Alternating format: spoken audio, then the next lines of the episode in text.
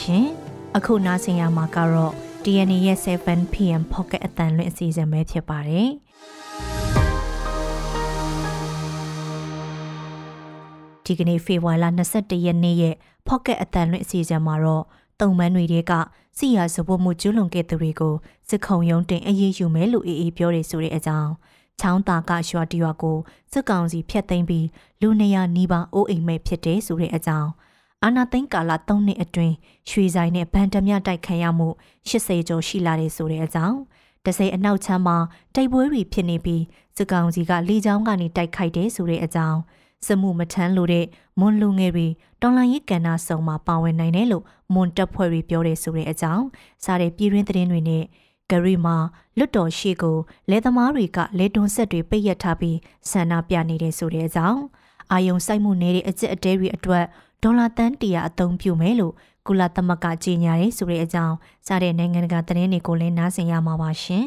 ဒီအစီအစဉ်ကိုတော့ကျမနန်းခမ်းနဲ့စိန်ကန်တင်ဆက်ပေးတော့ပါမယ်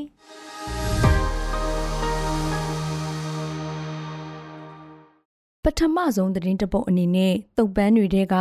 စိတ်ရာဇဝေးမှုကျူးလွန်ခဲ့သူတွေကိုစစ်ခုံရုံးတင်အရေးယူမယ်လို့အေးအေးပြောလိုက်တဲ့အကြောင်းကိုပြပြပေးပါမယ်။ ရခိုင်ပြည်နယ်နဲ့ချင်းပြည်နယ်ပလောဝဒေသတိုက်ပွဲတွေအတွင်းဖမ်းမိထားတဲ့စစ်တုံးပန်းထောင်ကြီးတဲကစစ်ရာဇဝေးမှုကျူးလွန်ခဲ့သူတွေကိုစစ်ခုံရုံးတင်ပြီးဥပဒေနဲ့အညီထိရောက်စွာအပြစ်ပေးအရေးယူမယ်လို့ရခိုင်တပ်တော်အေအေကထုတ်ပြန်လိုက်ပါတယ်။လက်ရှိအေအေကဖမ်းမိထားတဲ့စစ်တုပ်ပန်းတွေထဲမှာရခိုင်ပြည်သူတွေအပေါ်စစ်ရာဇဝတ်မှုကျူးလွန်ဖို့အမိတ်ပေးခဲ့တဲ့အထက်အရာရှိကြီးတွေ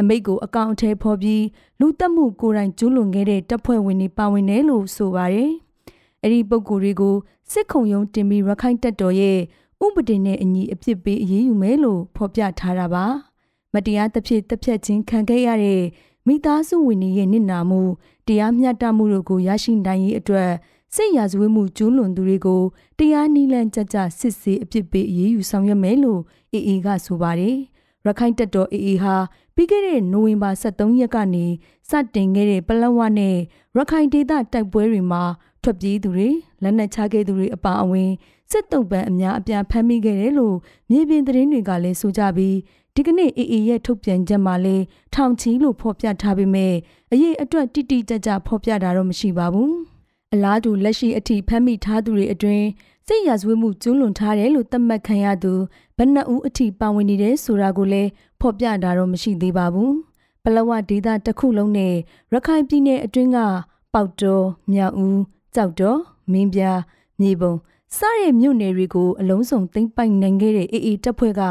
စစ်ကောင်စီရဲ့တပ်မမှုတအူဗျူဟာမှုတအူတို့အပါအဝင်တုတ်ပန်းအများအပြားဖမ်းမိထားတယ်လို့ဆိုထားတာပါ။ရခိုင်နဲ့ပလောဝဒေသကတိုက်ပွဲတွေနဲ့ပတ်သက်လို့ အပြည့်သက်သိမ်းဆဲနိုင်ခဲ့တဲ့စစ်ကောင်စီစခန်းတွေကနေသိမ်းဆဲနိုင်ခဲ့တဲ့လက်နက်ခဲယမ်းတွေကိုအေအေနဲ့အေအေပါဝင်တဲ့ညီနောင်မဟာမိတ်သုံးဘွဲတို့ကထုတ်ပြန်လေးရှိပေမဲ့တုတ်ပန်းတွေဖမ်းဆီးရမိမှုအခြေအနေကိုတော့အသေးစိတ်ထုတ်ပြန်လေးမရှိပါဘူး။ဒါပေမဲ့စကခကိုတက်မှမူဘုံမှုချုပ်ဇော်မင်းထွန်းနဲ့စကခကိုလက်အောက်ခံနီးပြူဟာ၃ပြူဟာမူဒုပုံမူကြီးညီညီဝင်းတို့ကိုအရှင်ဖမ်းမိထားတယ်ဆိုတာကိုတော့ အေအေကဖေဖော်ဝါရီ14ရက်မှာထုတ်ပြန်ထားပါတယ်။ချောင်းသာကရွာတီရွာကိုစစ်ကောင်စီဖျက်သိမ်းလိုက်ပြီးလူနေရာနီးပါးအုပ်အိမ်မဲဖြစ်တယ်ဆိုတဲ့အကြောင်းကိုပြောပြပေးပါမယ်။ ARD တိုင်းပသိမ်မြို့နယ်ချောင်းသာကမ်းခြေမြို့အတွင်းကရွာတီရွာကိုစစ်ကောင်စီကဖျက်သိမ်းလိုက်တာကြောင့်လူနေရာနီးပါးအုပ်အိမ်မဲဖြစ်သွားတယ်လို့ဒေသခံတွေက DNA ကိုပြောပါတယ်။ချောင်းသာကမ်းခြေမြို့ကမ်းကြီးကျေးရွာအုပ်စုကမ်းကြီးရွာနဲ့ငပိန်တလေရွာအကြားကအင်ဂျီ40နီးပါးရှိတဲ့ကွေးကျူရွာမှာနေထိုင်သူတွေက ဒေသတွင်းမှာရှိတဲ့တော်လိုင်းရင်အင်အားစုတွေကိုထောက်ပံ့နေတယ်လို့စစ်ကောင်စီကဆွဆွဲပြီးဒီလဖေဖော်ဝါရီလ20ရက်နေ့ကဖျက်သိမ်းလိုက်တာပါ။နင်းထုတ်ခံရသူတွေဟာပသိမ်ချောင်းသာကမ်းလက်နှစ်ပေးကစိတ်ကြီး6កောင်စားတဲ့ရွာငယ်လေးတွေကိုပြောင်းရွှေ့နေထိုင်ကြရပြီးတချို့ကတော့ချောင်းသာကမ်းခြေမြို့နဲ့အောင်ချမ်းသာရွာတက်ကိုပြောင်းရွှေ့နေထိုင်ကြရတယ်လို့သိရပါဗျ။ဂွေးကြိုရွာအနီးကကမ်းကြီးရွာမှာရှိတဲ့ကင်းစခန်းကိုဒေသတွင်တော်လန်ရေးတပ်ဖွဲ့တစ်ခုကတိုက်ခိုက်ခဲ့ပြီးတဲ့နောက် စစ်ကောင်စီကကွေးကျူရွာကို PDF ရွာအဖြစ်သတ်မှတ်ဆွဆွဲခဲ့တာလို့ဒေသခံတွေကဆိုပါတယ်။ပြီးခဲ့တဲ့2023ခုနှစ်မတ်လအတွင်းကကံကြီးရွာမှာရှိတဲ့ကင်းစခန်းကိုဒေသတွင်းမှာရှိတဲ့တော်လန်ရေးအင်အားစုအဖွဲ့တစ်ခုကအငိုက်ဖမ်းတိုက်ခိုက်ခဲ့တာဖြစ်ပြီးစစ်ကောင်စီအမာခံသတင်းပေးအဖြစ်နာမည်ကြီးသူတဦးလည်းတပ်ဖြတ်ခံခဲ့ရပါတယ်။ ARV တိုင်းအတွင်းမှာချင်းရခိုင်နဲ့ကရင်တိုင်းရင်းသားတွေအရင်ကတည်းကပြန့်နှံ့နေထိုင်ကြတဲ့အပြင်ချောင်းတာဒေသအပါအဝင် ARV တိုင်းအနောက်ဘက်ခြမ်းဟာရခိုင်တပ်မတော် AA နဲ့စစ်ကောင်စီတို့တိုက်ပွဲတွေဖြစ်နေတဲ့ရခိုင်ပြည်နယ်နဲ့ရေလန်းကုန်းလန်နယ်နိမိတ်ထိစပ်နေပါတယ်။ဒါကြောင့်စစ်ကောင်စီဟာ ARV တိုင်းအတွင်းမှာနေထိုင်ကြတဲ့တိုင်းရင်းသားတွေနဲ့ဒေသခံတွေကိုမယုံသင်္ကာဖြစ်နေပြီးဖမ်းဆီးစစ်ဆေးတာတွေနဲ့လုံခြုံရေးအစီအမံတွေကိုတိုးမြင့်ဆောင်ရွက်နေတယ်လို့သိရပါတယ်။နောက်ထပ်သတင်းတစ်ပုဒ်အနေနဲ့အာနာသိန်းကာလ3နှစ်အတွင်း ရွှေဆိုင်နဲ့ဗန်တပြတိုက်ခံရမှု80ကျော်ရှိတဲ့အကြောင်းကိုပြောပြပေးပါမယ်။စစ်တပ်ကအာဏာသိမ်းပြီးနောက်ပိုင်း၃နှစ်အတွင်းနိုင်ငံတော်ဝန်မှရွှေဆိုင်နဲ့ဗန်တမြတိုက်ဘူးဖြစ်စဉ်ပေါင်း82ခုအထိရှိခဲ့တယ်လို့သူတေသနအဖွဲ့အစည်းတစ်ခုဖြစ်တဲ့ Data for Myanmar ရဲ့အချက်အလက်တွေရသိရပါတယ်။အာဏာမသိမ်းမီကအဖြစ်နည်းခဲ့တဲ့ရွှေဆိုင်တွေနဲ့ဗန်တွေလူရက်တပြတိုက်ခံရမှုတွေဟာအာဏာသိမ်းပြီးတဲ့နောက်တိတိတတ်တာတိုးလာခဲ့ပြီး သုံးနှစ်အတွင်းဗန်အဆောက်အဦတွေထဲဝင်ရောက်လူရက်တဲ့ဖြစ်စဉ်25ခုနဲ့ရွှေဆိုင်တွေကိုလူရက်မှု58ခုအထိဖြစ်ခဲ့တယ်လို့ဆိုပါတယ်။ပုဂ္ဂလိကဘိုင်ဘန်တွေကိုလူရက်မှုဖြစ်စဉ်တွေဟာအာဏာသိမ်းစာ2021ခုနှစ်ကနေ2022ခုနှစ်အတွင်းအများဆုံးဖြစ်ခဲ့ပြီးအဲ့ဒီနောက်ပိုင်းတဖြည်းဖြည်းနဲ့ညွတ်နေသွားတယ်လို့ထုတ်ပြန်ချက်မှာဆိုထားပါတယ်။ ဒါပေမဲ့ရွှေဆိုင်တွေကိုဥတီလူရက်နေတဲ့ဖြစ်စဉ်တွေကတော့နိုင်ငံတဝန်းတလကိုပြင်းပြတစ်ကြိမ်လုံးရှိနေပြီး၃နှစ်အတွင်းမန္တလေးမြို့မှာ12ကြိမ်နဲ့အများဆုံးဖြစ်ခဲ့တယ်လို့ Data for မြန်မာရဲ့အချက်အလက်တွေကဖော်ပြပါတယ်။ဒါအပြင်စီးပွားရေးမြို့တော်ရန်ကုန်မှာတော့6ကြိမ်နဲ့ဒုတိယအများဆုံးဖြစ်ခဲ့ပြီးကချင်ပြည်နယ်ဖားကန့်ဒေသမှာ3ကြိမ်နဲ့တတိယအများဆုံးဖြစ်ကစကိုင်းရှမ်းပြည်နယ်တောင်ပိုင်းနဲ့မြောက်ပိုင်းကမြို့တွေမှာလည်းရွှေဆိုင်လူရက်ခံရမှုတွေဖြစ်ခဲ့ပါတယ်။ မန္တလေးမြို့ပေါ်ကနမဲကျော်ရွှေဆိုင်အများစုကလုံခြုံရေးနဲ့ဝန်ထမ်းအင်အားအများအပြားရှိခဲ့တဲ့အပြင်ရွှေအယောင်းဝယ်လုပ်သူတွေနဲ့အချိန်ပြည့်လူများနေတက်တာကြောင့်လူရဲ့တပြတိုက်သူတွေကလူနဲတဲ့ရွှေဆိုင်တွေကိုပြစ်မှတ်ထားလိရှိတယ်လို့ရဲတပ်ဖွဲ့နဲ့နှီးဆက်သူတအုပ်ကသုံးသပ်ပါတယ်။မန္တလေးမြို့အစွန်ဖြစ်တဲ့ပြည်ကြီးတကွန်ချမ်းမြတာစီနဲ့ပသိမ်ကြီးမြို့နယ်တွေမှာရှိတဲ့ရွှေဆိုင်တွေက များသောအားဖြင့်စံတကားပိတ်ပြီးအယောင်းအဝယ်ပြုလုပ်တာကိုတွေ့ရတယ်လို့အရင်လိုရွှေတဲ့အများအပြားခင်းချင်းပြတ်တရောင်းချတာမျိုးမဟုတ်တော့ဘဲလိုအပ်တဲ့ရွှေတဲ့ပစ္စည်းကိုသာထုတ်ရောင်းကြတော့တယ်လို့မန္တလေးမြို့မှာနေထိုင်တဲ့အသက်30ကျော်အရွယ်ကုမ္ပဏီဝန်ထမ်းတဦးကပြောပါရယ်။ဒဇယ်အနောက်ချမ်းမှာတိုက်ပွဲပြင်းထန်နေပြီးစစ်ကောင်စီကလေကြောင်းကနေတိုက်ခိုက်တယ်ဆိုတဲ့အကြောင်းကိုပြောပြပေးပါမယ်။ စကိုင်းတိုင်းဒဇယ်မြို့အနောက်ချမ်းမှာစစ်ကောင်စီနဲ့တော်လှန်ရေးတပ်တွေဒီကနေ့မနက်ပိုင်းကစလို့တိုက်ပွဲပြင်းထန်နေပြီးစစ်ကောင်စီကလေကြောင်းတိုက်ခိုက်မှုတွေဆက်တိုက်လုပ်နေတယ်လို့ဒေသတွင်းသတင်းရင်းမြစ်တီစီကနေသိရပါဗျ။တဆေမျိုးအနောက်ဘက်10မိုင်အကွာလောက်မှာရှိတဲ့ဂဒူးမာနေမြေရဲစခန်းကိုတော်လန်ရီပူပေါင်းတပ်တွေကဒီကနေ့မနက်အစောပိုင်းမှာတိုက်ခိုက်ခဲ့ကြပြီးတိမ့်ပိုက်ဖျက်ဆီးနိုင်ခဲ့တယ်လို့သိရပါဗျ။တဆေမျိုးနယ်အတွင်းမှာပြီးခဲ့တဲ့ရက်အနည်းငယ်အတွင်းက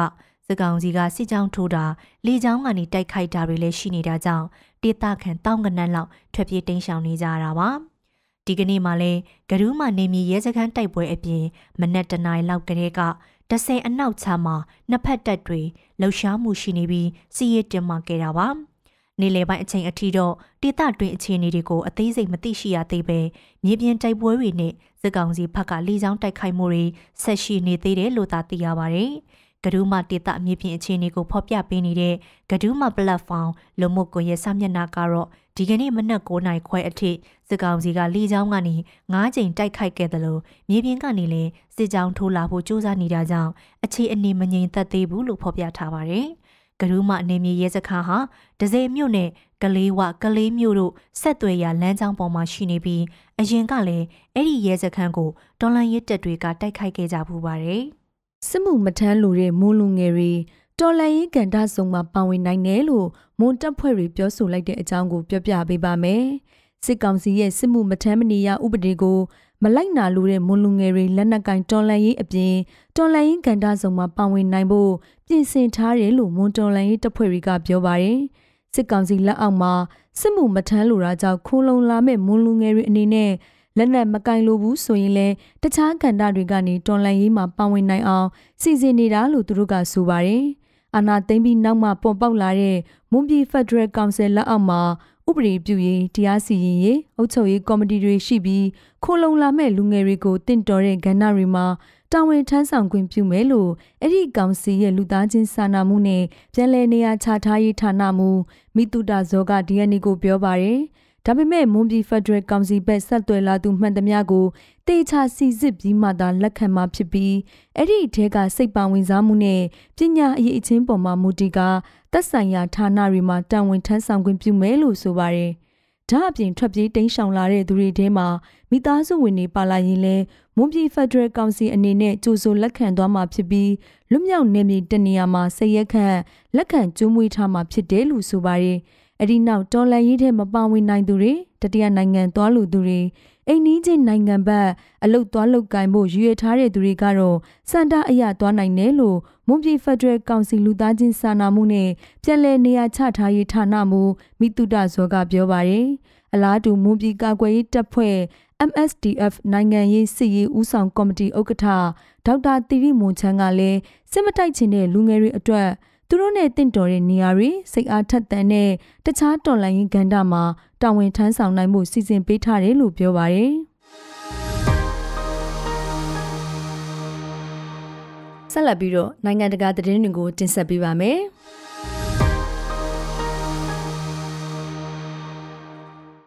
ဂရိနိုင်ငံမှာထောင်ထဲချီတဲ့လက်သမားတွေဟာ အင်သေးမြို့လယ်နဲ့လွှတ်တော်အဆောက်အုံရှေ့မှာလေထွန်ဆက်တွေပိတ်ရပြီးစုဝေးစံတာပြခဲ့ကြပါတယ်။လေယာလုပ်ငန်းခွင်စည်းစကားတွေကြီးမြင့်လာမှုနဲ့ဥရောပသမဂ္ဂကလေသမားတွေအပေါ်သတ်မှတ်ထားတဲ့အခွန်စည်းမျဉ်းတွေကိုမကျေနပ်ရာက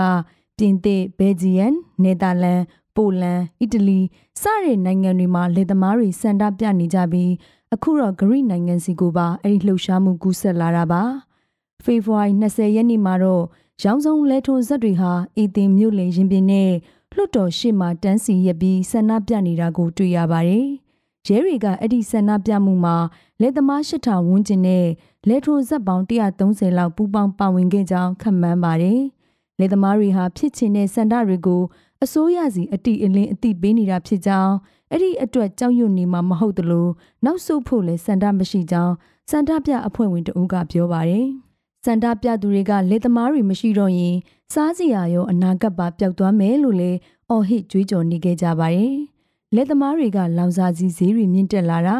ထုတ်လုပ်မှုဈေးတွေဖိစီးလာတာရာသီဥတုဖောက်ပြန်မှုတွေဆိုးရွားလာတာတွေကြောင့်စီးပွားရေးအကြီးအကျယ်ထိခိုက်နေပြီးအစိုးရကထိရောက်တဲ့ပံ့ပိုးမှုတွေမပေးနိုင်ခဲ့ကြောင်းဆွဆွဲဝေဖန်ကြပါတယ်။လေသမားတွေဟာစန္ဒပြရင်လမ်းတွေကို ယာယီပိတ်တာမျိုးတွေလုပ်ခဲ့ပေမဲ့ရဲတပ်ဖွဲ့နဲ့ညှိနှိုင်းပြီးပြန်ဖွင့်ပေးခဲ့တယ်လို့လည်းဆိုပါတယ်။စန္ဒပြလေသမားတော်တော်များများဟာလွတ်တော်တဝိုက်မှာပဲတပိတ်စခန်းဖွင့်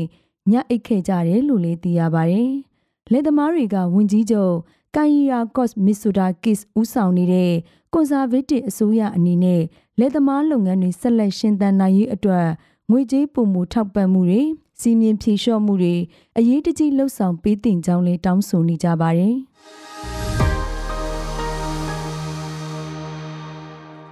ကဘာအနှံ့မှာထိရောက်တဲ့ရန်ပုံငွေအထောက်အပံ့တွေမရရှိဘဲရုန်းကန်နေရတဲ့လူသားရေးရအကြက်အတဲတွေအတွက်ကူညီပေးဖို့ဒေါ်လာတန်တရာအသုံးပြုသွားမယ်လို့ကုလသမဂ္ဂကကြေညာခဲ့ပါတယ်။အဲ့ဒီရန်ပုံငွေတစ်ကိုခွဲဝေပေးရမှာကွန်ဂို၊ဆူဒန်နဲ့ ဆီးရီးယားတို့လိုနိုင်ငံတွေအကျုံးဝင်မယ်လို့လည်းဆိုပါတယ်။ကုလသမဂ္ဂဗဟိုအရေးပေါ်တုံ့ပြန်ရေးရန်ပုံငွေ CERFC ကနေထုတ်နှုတ်ယူမဲ့အဲ့ဒီငွေကြေးဟာပြီးခဲ့တဲ့နှစ်ပိုင်းတွေအတွင်းကဘာအနှံ့ကလူသားချင်းစာနာမှုဆိုင်ရာအစီအမံတွေနဲ့ပတ်သက်လို့အ ਨੇ ဆုံးပမာဏဖြစ်လာတယ်လို့လည်းဝေဖန်ထောက်ပြမှုတွေရှိနေပါတယ်။တစ်ဖက်မှာတော့နိုင်ငံတကာအကူအညီပေးအဖွဲ့အစည်းတွေဟာကဘာအနှံ့မှာအပြိုင်အဆိုင်တိုးပွားလာတဲ့အကျက်အတဲတွေကြောင့် အလှငွေတွေစုဆောင်းကောက်ယူနိုင်မှုအခက်အခဲပေါင်းစုံကြုံနေရပါတယ်။ CERF ကနေထုတ်နှုတ်ယူနိုင်မဲ့အကူအညီပေးရန်ပုံငွေဟာ2018ခုနှစ်နောက်ပိုင်းအ ਨੇ ဆုံးဖြစ်သွားပြီးဒါဟာပြိပခရီရဲ့တောင်းဆိုမှုကိုအလှရှင်တွေကအလင်းမီအောင်ဖြည့်ဆည်းဖို့ရုန်းကန်လာရကြောင်းထင်ရှားမြင်သာတဲ့အထောက်အထားတစ်ခုလို့ကုလသမဂ္ဂလူသားချင်းစာနာမှုဆိုင်ရာညှိနှိုင်းရေးယုံ UNOCHA ကပြောပါတယ် ပြိပခရီထုံမွန်းခဲ့တဲ့2023ခုနှစ်အတွင်းတကဘာလုံးအတိုင်းအတာနဲ့လူသားချင်းစာနာမှုအထောက်အပံ့လိုအပ်ချက်ဟာဒေါ်လာ59ဘီလီယံထိများပြားခဲ့ပါတယ်။အထူးသဖြင့်နှစ်ကုန်ပိုင်းကဂါဇာမှာစစ်ပွဲစတင်ဖြစ်ပွားလာတဲ့နောက်မူလခန့်မှန်းထားတဲ့ဒေါ်လာ35ဘီလီယံလိုအပ်ချက်နဲ့မတန်တဆကွာဟတဲ့အခြေအနေတွေထိရောက်ရှိသွားခဲ့တာပါ။ကုလသမဂ္ဂကထုတ်ပေးမဲ့ရန်ပုံငွေဒေါ်လာတန်တရာကိုတော့ကွန်ဂို၊ဆူဒန်၊ ဆီးရီးယားတို့အပြင်ချက်၊နိုင်ဂျာလက်ဘနွန်ဟွန်ဒူရက်စ်နိုင်ငံတွေရဲ့လူသားချင်းစာနာမှုဆိုင်ရာအကူအညီပေးတုံ့ပြန်မှုမစ်ရှင်တချို့အတွက်ခွဲဝေပေးသွားမယ်လို့သိရပါတယ်။